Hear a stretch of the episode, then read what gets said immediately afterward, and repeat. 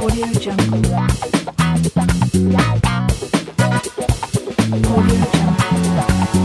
was supposed to be talking about some uh, boring news story, but I told my group to, um, yeah, I'm not going to do that. So every March, March Madness comes around, college basketball.